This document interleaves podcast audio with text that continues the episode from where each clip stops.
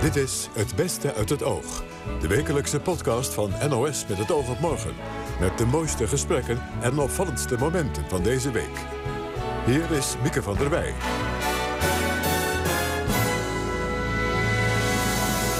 Hartelijk welkom bij de podcast. Er zijn weer heel wat gesprekken gevoerd de afgelopen week. En ik heb een paar mooie uit ons programma op een rij gezet. Zometeen, hoe zorg je dat je niet helemaal doordraait in thuisisolatie? Misschien valt er wat te leren van de Stoïcijnen en hun filosofische stroming. Zij zeggen, die dingen die liggen vast, daar heb je geen invloed op. Er is één ding waar je wel invloed op hebt, en dat is je oordeel daarover, hè, je opvatting. Niet iedereen is blij met de komst van 5G. Maar hoe reëel is die angst eigenlijk? Er is geen reden om aan te nemen dat er zeg maar, meer effect zal zijn dan we nu ervaren met wifi en 4G en 3G. Pianist Louis van Dijk is overleden. Zijn vriend Pieter van Vollenhoven haalt herinneringen op. Hij was nooit humeurig te krijgen, nooit, nooit. Het was echt een hele positieve man en een fantastische vriend. Maar eerst, er wordt ontzettend veel gevraagd van de zorg. Deze week zoomen we in op de thuiszorg. Want de mensen die daar werken staan ook onder grote druk. Olga Ostendorf is wijkverpleegkundige in Brabant en vertelt aan Koen hoe haar dagen er nu uitzien. Gisteren heb ik uh, van 9 uur s ochtends tot 11 uur s avonds gewerkt. En uh, hoe, hoe houdt u dat dan vol zo'n dag? Uh, door een heel goed thuisfront, wat uh, mij ondersteunt in alles wat, zij, uh, wat ik doe. Maar de thuisfront en, ziet u niet gedurende die uren? Nee, maar daarna wel. En vandaag was ik vrij, dus dan, ja. dan hou je het weer vol.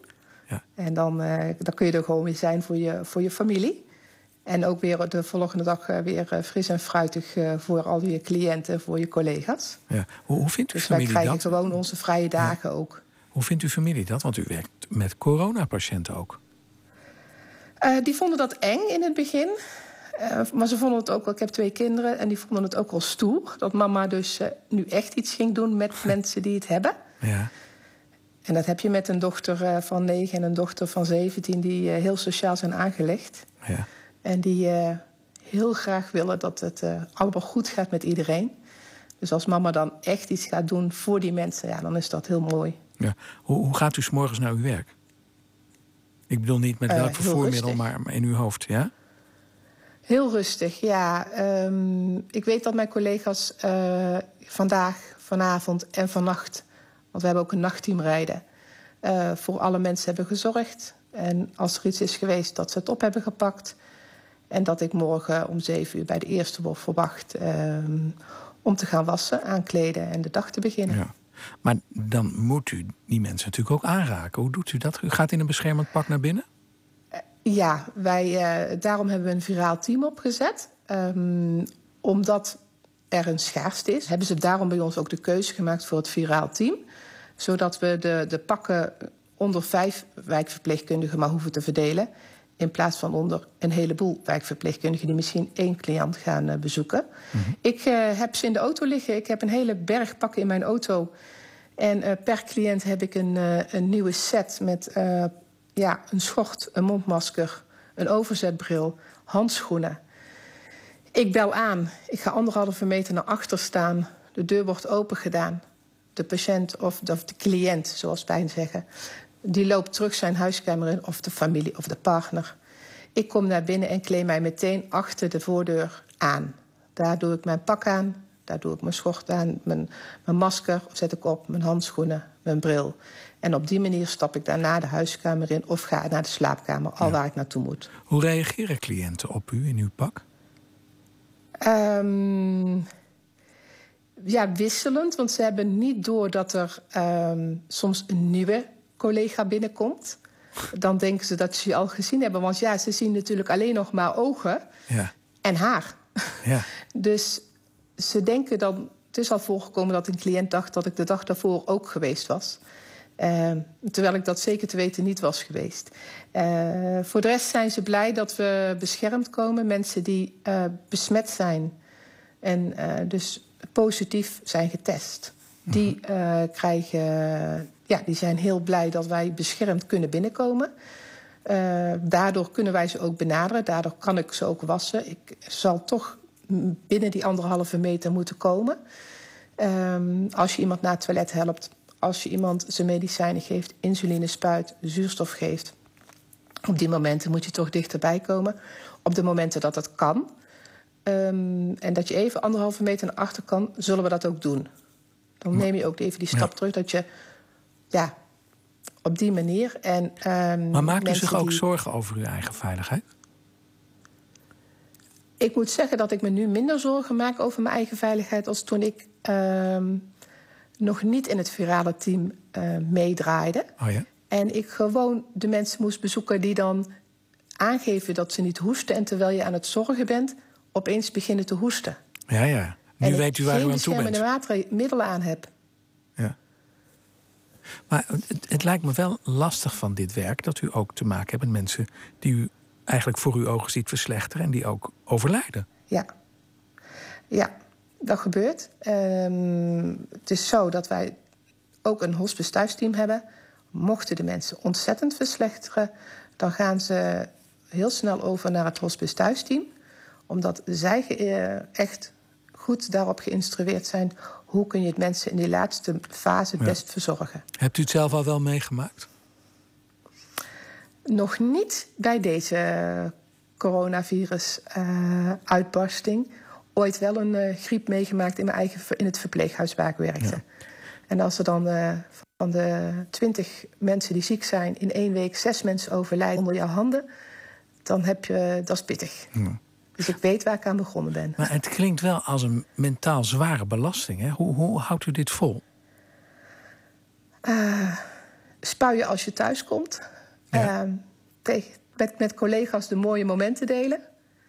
Uh, Noemt u zo'n moment bijvoorbeeld? Nou, als het gewoon even weer lekker goed gaat met een cliënt... of als gewoon als een temperatuur weer zakt bij iemand... waardoor de koorts verdwijnt en iemand zich weer wat beter gaat voelen... ja, ja dan ben je met z'n allen toch wel gelukkig. En, uh, maar ook wat ook hele fijne momenten zijn...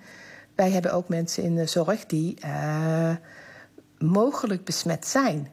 Dus mm-hmm. waarvan nog niet is vastgesteld of ze coronavirus bij zich dragen of niet. Mm-hmm. Dus die mensen, als we daar de uitslag van krijgen dat ze negatief zijn, ja, dat is, uh, dat is heel fijn. Want dan kunnen we de mensen terug laten gaan naar hun eigen team. En dan kunnen ze daar weer gewoon de zorg van krijgen. En ja, hoe fijn is dat? Je bent en die mooie momenten wegen op tegen de nare momenten? Ja, zeker. Zeker. Maar ook de nare momenten kunnen mooi zijn. Ja? ja, ja dat, dat is gewoon heel bijzonder dat je daar ook bij mag zijn. Dat, dat, dat is toch een. Uh, dat voegt iets toe voor uzelf. Ja, dat, is, dat, dat zijn hele. Uh, je komt he, het is heel intiem eigenlijk. En je komt heel dicht bij iemand. Ja, we hebben nog steeds wel een afstand natuurlijk, nu we anderhalve meter uh, af moeten houden, mm. vaak. Maar je, je komt wel in, bij het dichtste van iemand kom je uh, in de buurt. En hoe mooi is het dan dat jij diegene mag ondersteunen bij, al is het het, het overlijden. Hoe mooi is dat dat je mag, uh, daarin bij mag dragen dat iemand rustig uh, kan overlijden. Misschien ervaart u wel extra stress door deze crisis of ligt u hele nachten te piekeren. Hoe kun je je gemoedsrust bewaren in deze tijden? Wie weet kunnen wij wat leren van het stoïcisme, een filosofie uit de klassieke oudheid. Ik praatte daarover met de denker des vaderlands Daan Rovers. Zij legt uit waar die stoïcijnen voor stonden.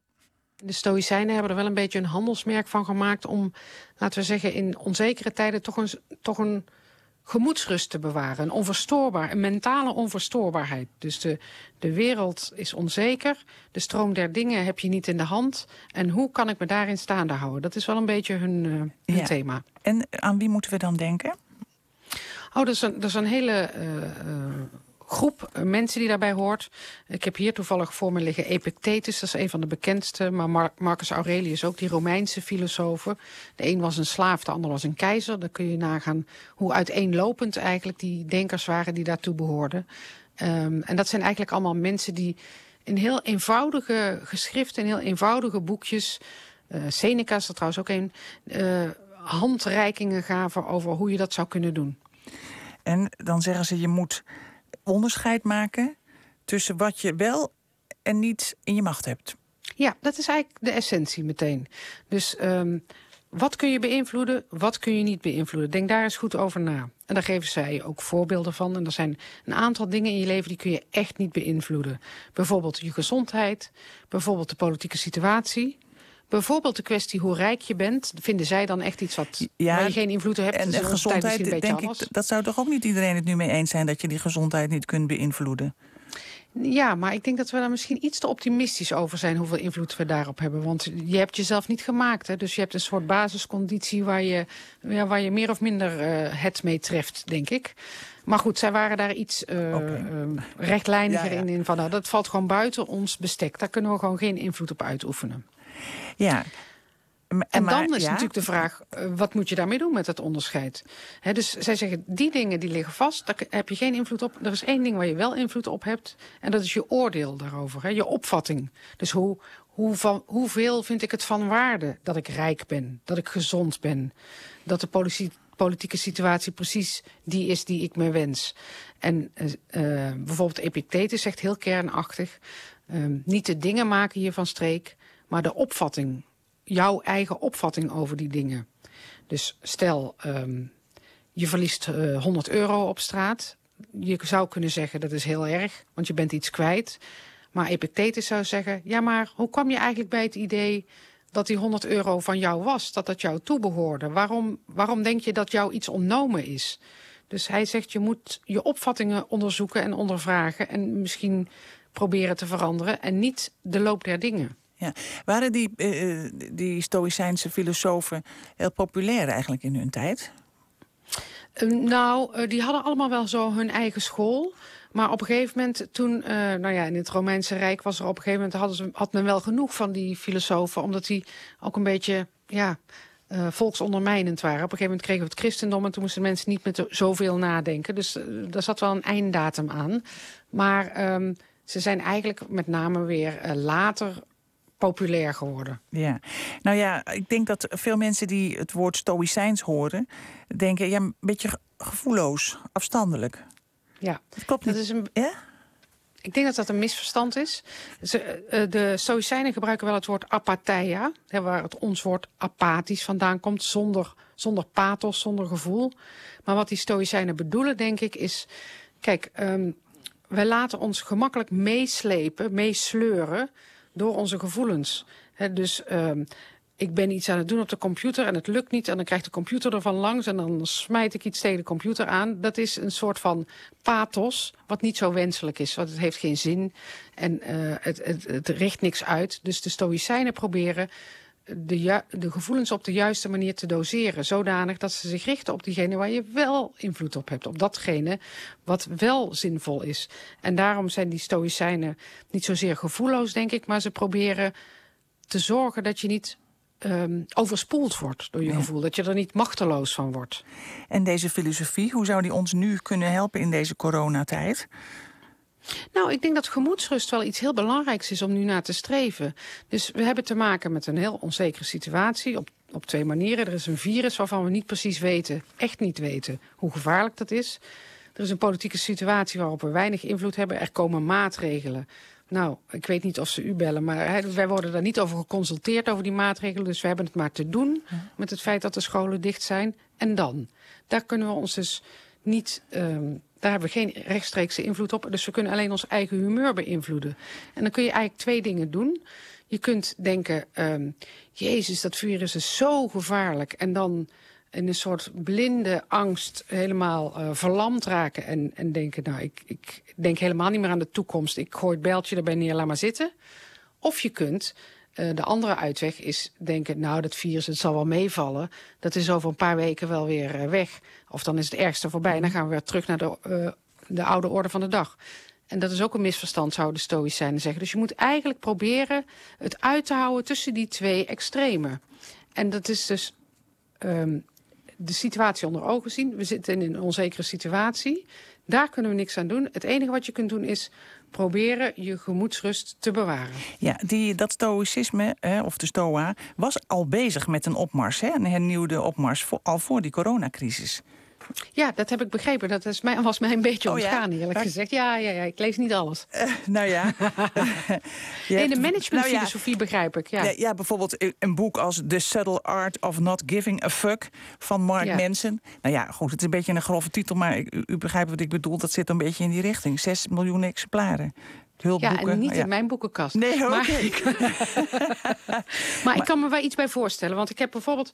Ik heb nu één zo'n boekje voor me liggen van Epictetus. Dat Ja. is 65 bladzijden, dus dat kan iedereen lezen. Ja. En het is heel beknopt en het is simpel. En eh, dus dat is een reden waarom het denk ik gemakkelijk eh, ter hand genomen wordt. En het andere is... Ja, dat ideaal van die gemoedsrust, hè, van die onverstoorbaarheid, die mentale onverstoorbaarheid, dat, dat wil iedereen. Dus het is natuurlijk een hele aantrekkelijke Ja. filosofie wat dat betreft. Zijn er nog andere filosofische stromingen waar u inspiratie uit haalt in deze tijd? Nou, eh, zelf eigenlijk het meest uit eh, Albert Camus. Dat was altijd al een grote favoriet van mij. En eh, die wordt nu ook heel veel aangehaald vanwege dat hij die roman De Pest heeft Ja, ik geschreven. heb hem pas ook gelezen. Ja, fantastisch Ja. boek natuurlijk. En heel, nou ja, ik las het dus voordat er ooit van corona gehoord had. Maar, maar als je het nu herleest, dan, dan herken je daar veel in. En het interessante aan zijn filosofie is eigenlijk dat het absurdistisch is. Dus dat wil zeggen, je wordt geconfronteerd met een gevaar, een abstract gevaar, een virus. En dat virus dat maakt geen onderscheid in mensen. Dat, dat kijkt niet naar jou zoals jij. Jij bent bang voor dat virus. Het virus is niet bang voor jou. En ehm, dat, dat is een vreedheid die ons allen aangaat. En eh, ik vind dat eh, Camus ontzettend mooi beschrijft hoe alle mensen dan aan elkaar gelijk worden. De crimineel en de pastoor. De deugdzame mens ten, ten aanzien van de, van de schurk. En iedereen maakt in gelijke mate kans om ziek te worden. En kijken wat er dan gebeurt. Ja. Het is misschien nog een beetje vroeg, maar toch, wat kunnen we leren van deze crisis? Is dit u ook een positief gevolg van deze periode van isolatie? Uh, ja, van die isolatie zeker. Het is v- voor veel mensen en voor mij zelf persoonlijk in ieder geval heel erg leerzaam om, om zoveel thuis te zijn, laat ik het zo zeggen. Om zo weinig um, mijn eigen uh, situatie uh, te ontvluchten en in de buitenwereld te gaan halen waarvan ik denk dat het alleen daar te halen is. En verder denk ik in, in een wat breder perspectief dat Camus gelijk heeft. Aan het eind van het boek zegt hij aan zo'n aan zo'n dramatische situatie kun je heel goed zien wie de mens is. En dat er uiteindelijk toch meer te bewonderen is in mensen dan te verachten. En dat vond ik eigenlijk een heel mooie conclusie. Dus je ziet allebei, maar wat weegt het zwaarste? Nou, toch het positieve. Ja, en maar wat, u, u zei net, het was toch wel heel leerzaam voor mij om zo thuis te zijn. Wat, wat, wat heeft u dan geleerd?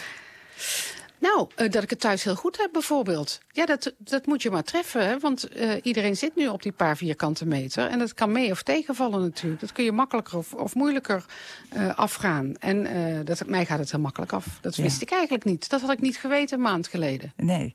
En tegen verveling, hebt u daar nog een filosofische tip voor? Of tegen? Ja, dan moet je gewoon tegen verveling moet je gewoon stil blijven zitten en een boek lezen.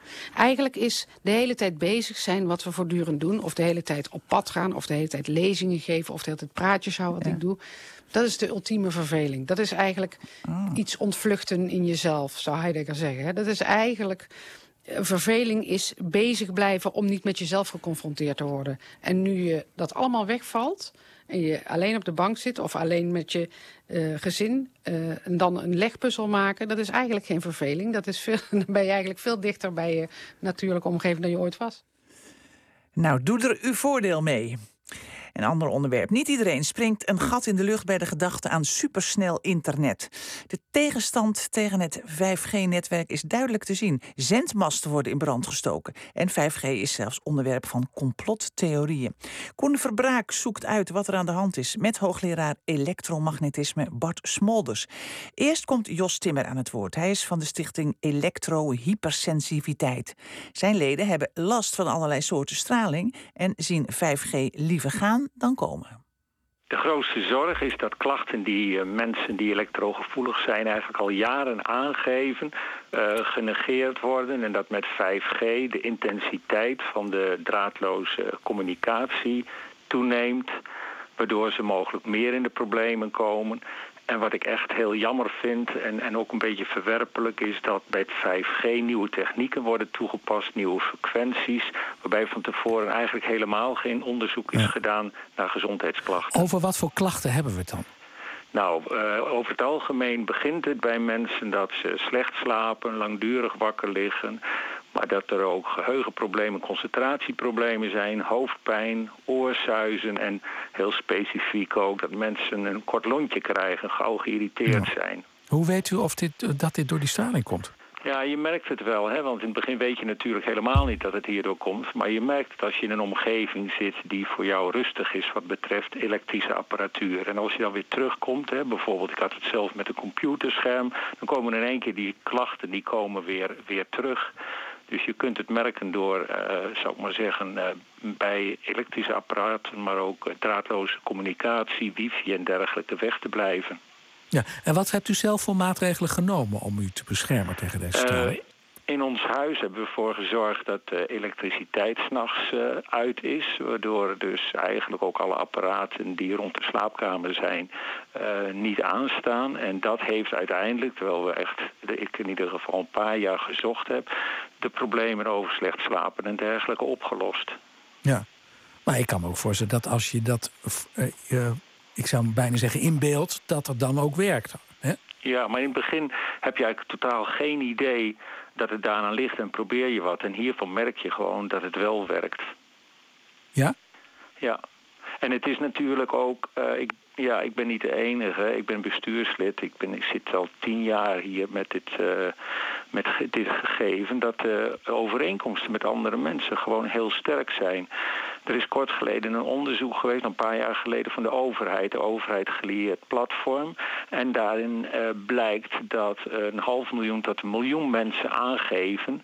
Uh, klachten te hebben bij elektrische apparaten. En die klachten ja, die lijken heel erg op die vijf die ik net heb uh, aangegeven. Ik lees nu ook op sociale media over theo theorieën... dat er zelfs een verband zou zijn tussen 5G en de corona-epidemie. Ja, ja, wij als stichting zien dat verband niet. Nee. Maar, maar wat wij wel zien is dat bij langdurige klachten door elektrische apparaten ook je uh, immuunsysteem, uh, je weerstand aangetast wordt. En dan zou ik me kunnen voorstellen dat je ook vatbaarder bent voor corona. Maar dat is de enige relatie die ik zou kunnen zien. Ja. Er zijn afgelopen week ook zendmasten in brand gestoken. Heeft dat ook te maken met het verzet tegen 5G, denkt u? Ja, ik, ik, ik uh, verwerp dat natuurlijk heel sterk wat daar gebeurt. Hè. Dat is gewoon vandalisme. Mm. Wat, wij, wat wij wel signaleren, er zijn dit jaar en vorig jaar bij elkaar drie demonstraties geweest in Amsterdam, Eindhoven en Den Haag. Voor, voor mensen die tegen 5G protesteren. Er is in de kranten ook veel aandacht besteed. Dat de overheid er eigenlijk helemaal niks mee gedaan heeft.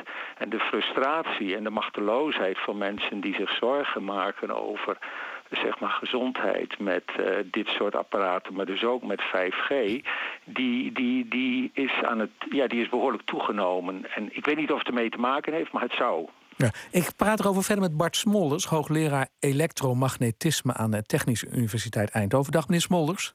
Goedenavond. Begrijpt u die zorgen die er leven over dat 5G-netwerk? Uh, ja, ja, kijk, als mensen zorgen hebben dan uh, voor, voor iets wat onbekend is. Hè. 5G is natuurlijk iets wat nieuw is. Uh, dan, dan kan ik me wel voorstellen dat mensen daar zorgen over hebben. Het, kijk, feitelijk is het natuurlijk zo dat, dat 5G nog niet gebruikt wordt in Nederland. Dus het heeft weinig zin om, om zendmasten nu in, in de fik te gaan steken. Dus daar kan je ook geen last van hebben? Daar kun je geen last van hebben, nee, op dit moment. Uh, en de eerste generatie 5G, zoals die in Nederland uh, geveild wordt, hè, want die veiling die, uh, die is dit jaar, die zal ook gebruik maken van frequenties die hetzelfde zijn als die al jarenlang voor 2G, 3G en 4G gebruikt worden. Dus de 5G ehm, generatie die als eerste gebruikt zal gaan worden, waar, waar we zeg maar dit, dit jaar en komend jaar mee te maken hebben, zal ook mm -hmm. geen andere straling elektromagnetische straling hebben dan, uh, dan we al gewend zijn. Die is ook niet sterker dan bij uh, 3 en 4G?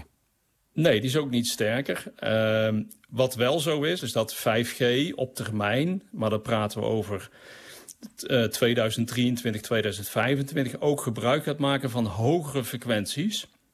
En daar hebben wij zelf, heb ik zelf ook veel onderzoek aan gedaan de afgelopen tien jaar. En bij die hogere frequenties is het zo dat je meer uh, antennes nodig hebt en ook andere technologie nodig hebt. En daar maken mensen zich ook uh, druk om. En snijdt dat, dat hout, zo... die, die, die onrust? nou, Ja, in feite, het ligt eraan hoe je ernaar kijkt. Hè. Kijk, in feite is het zo dat uh, de, de intensiteit van de elektromagnetische straling niet verandert in 5G. Er zijn normen voor. En die normen zijn precies hetzelfde als die gelden voor wifi of voor uh, 4G of 3G. Dus dat verandert niet. Het feit dat je bij een hogere frequentie gaat werken, dat is iets wat nieuw is. Dat, dat, dat doen we nog niet uh, op, op deze grote schaal.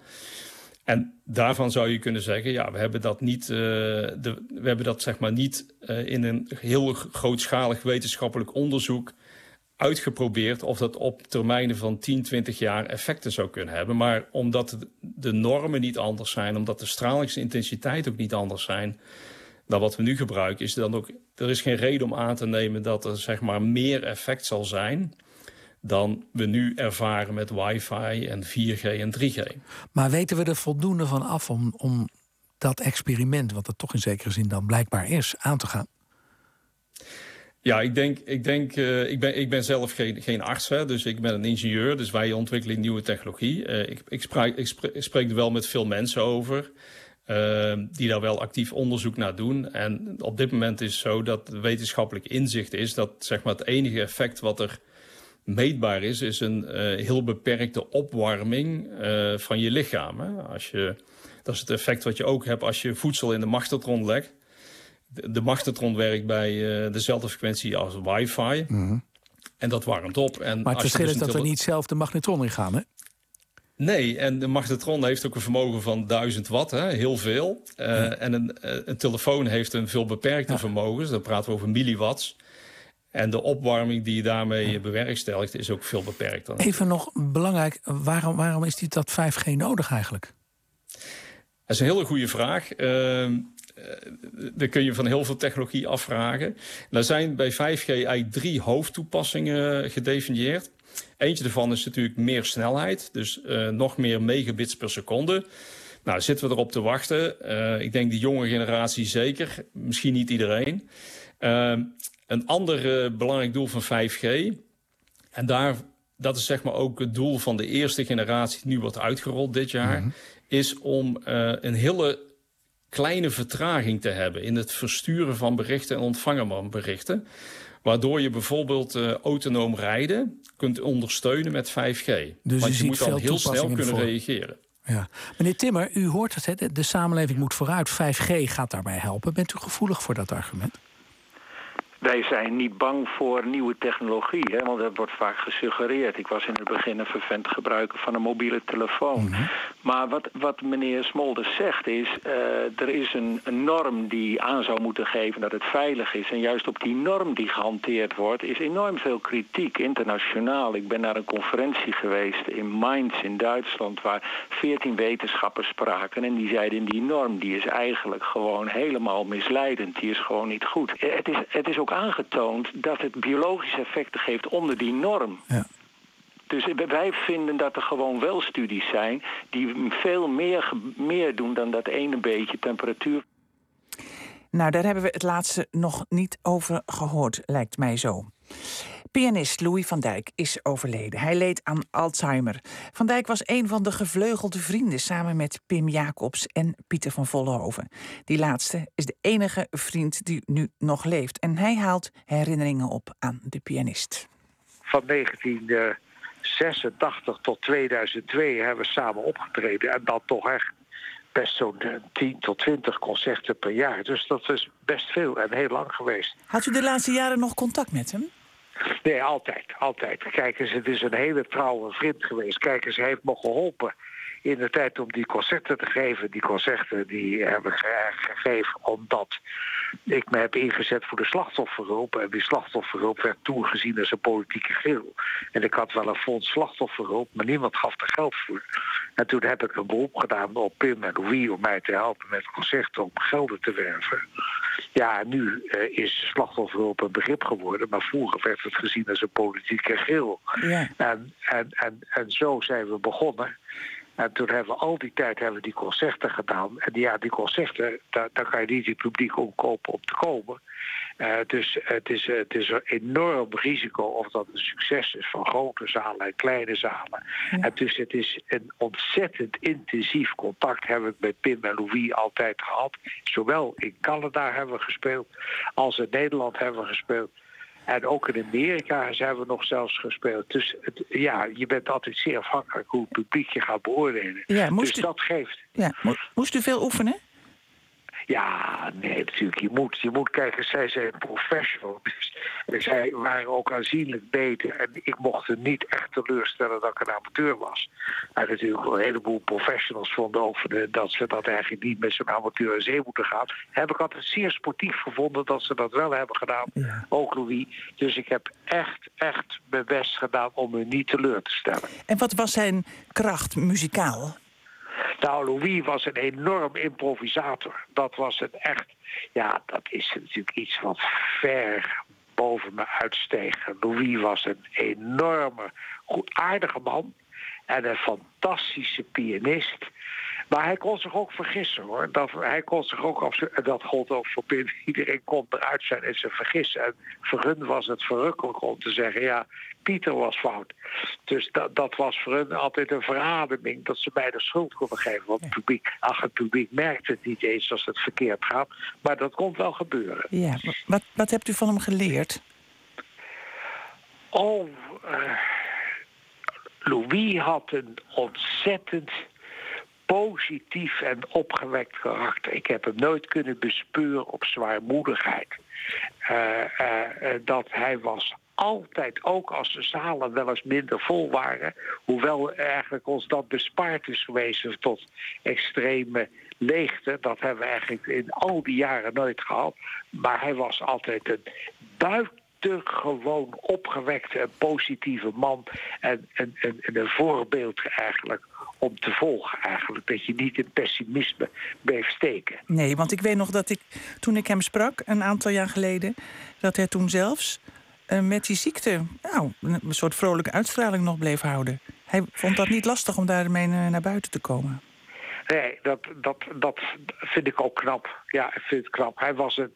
Uh, hij aanvaarde dat. Eigenlijk, hij aanvaarde dat. Dus ik, ik moet eerlijk zeggen, ook, de, kijk, als je werkt, dan zijn die contacten emotioneel. Maar als je muziek maakt, eh, dan, is het, dan ben je nog meer, ja, hang je van elkaar af. Uh, dan het welslagen. Dat moet je met z'n drieën, moet je die zaal iedere keer veroveren.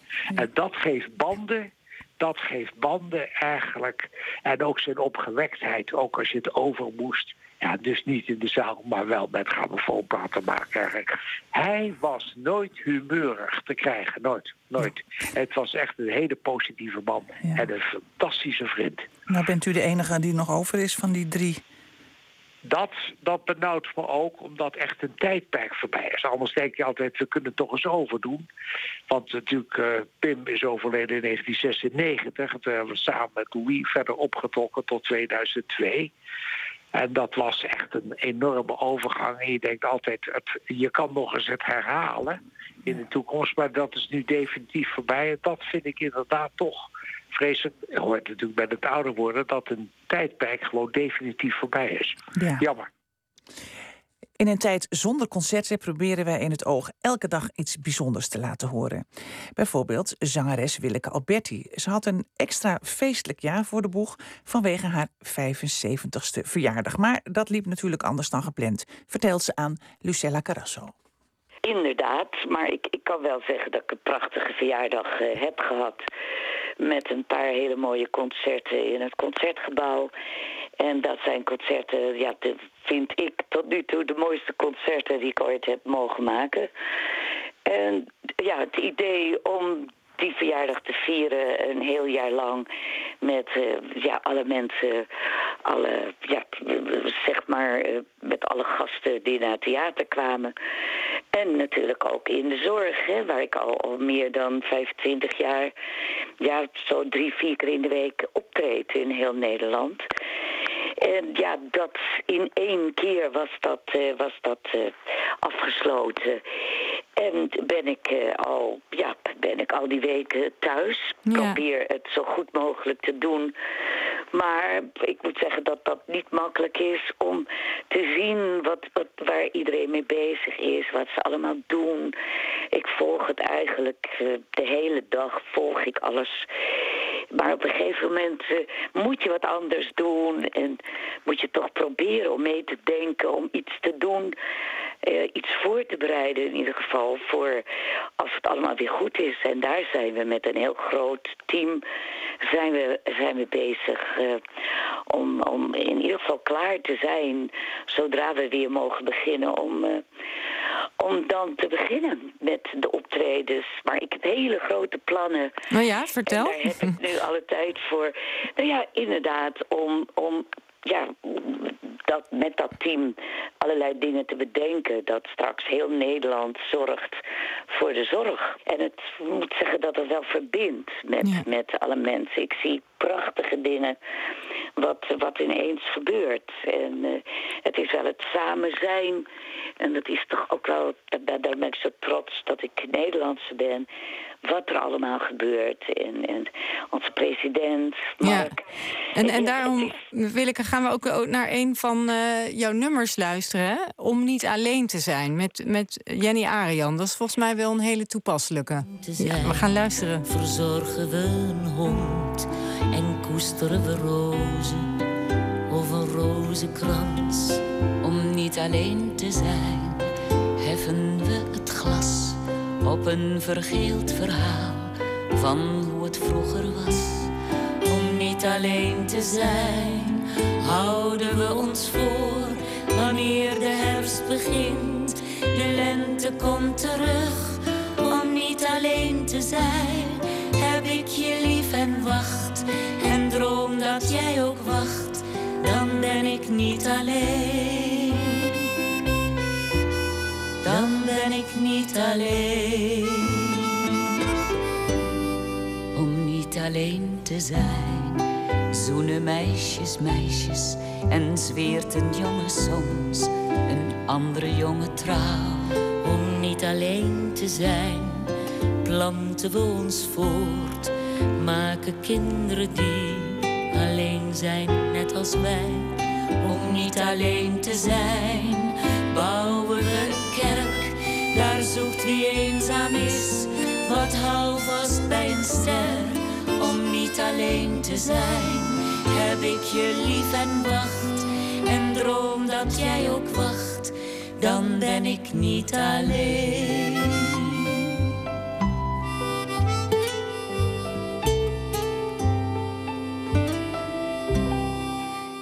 Mooie combinatie deze twee stemmen. Jenny Arian en Willeke Alberti. En dit was het alweer.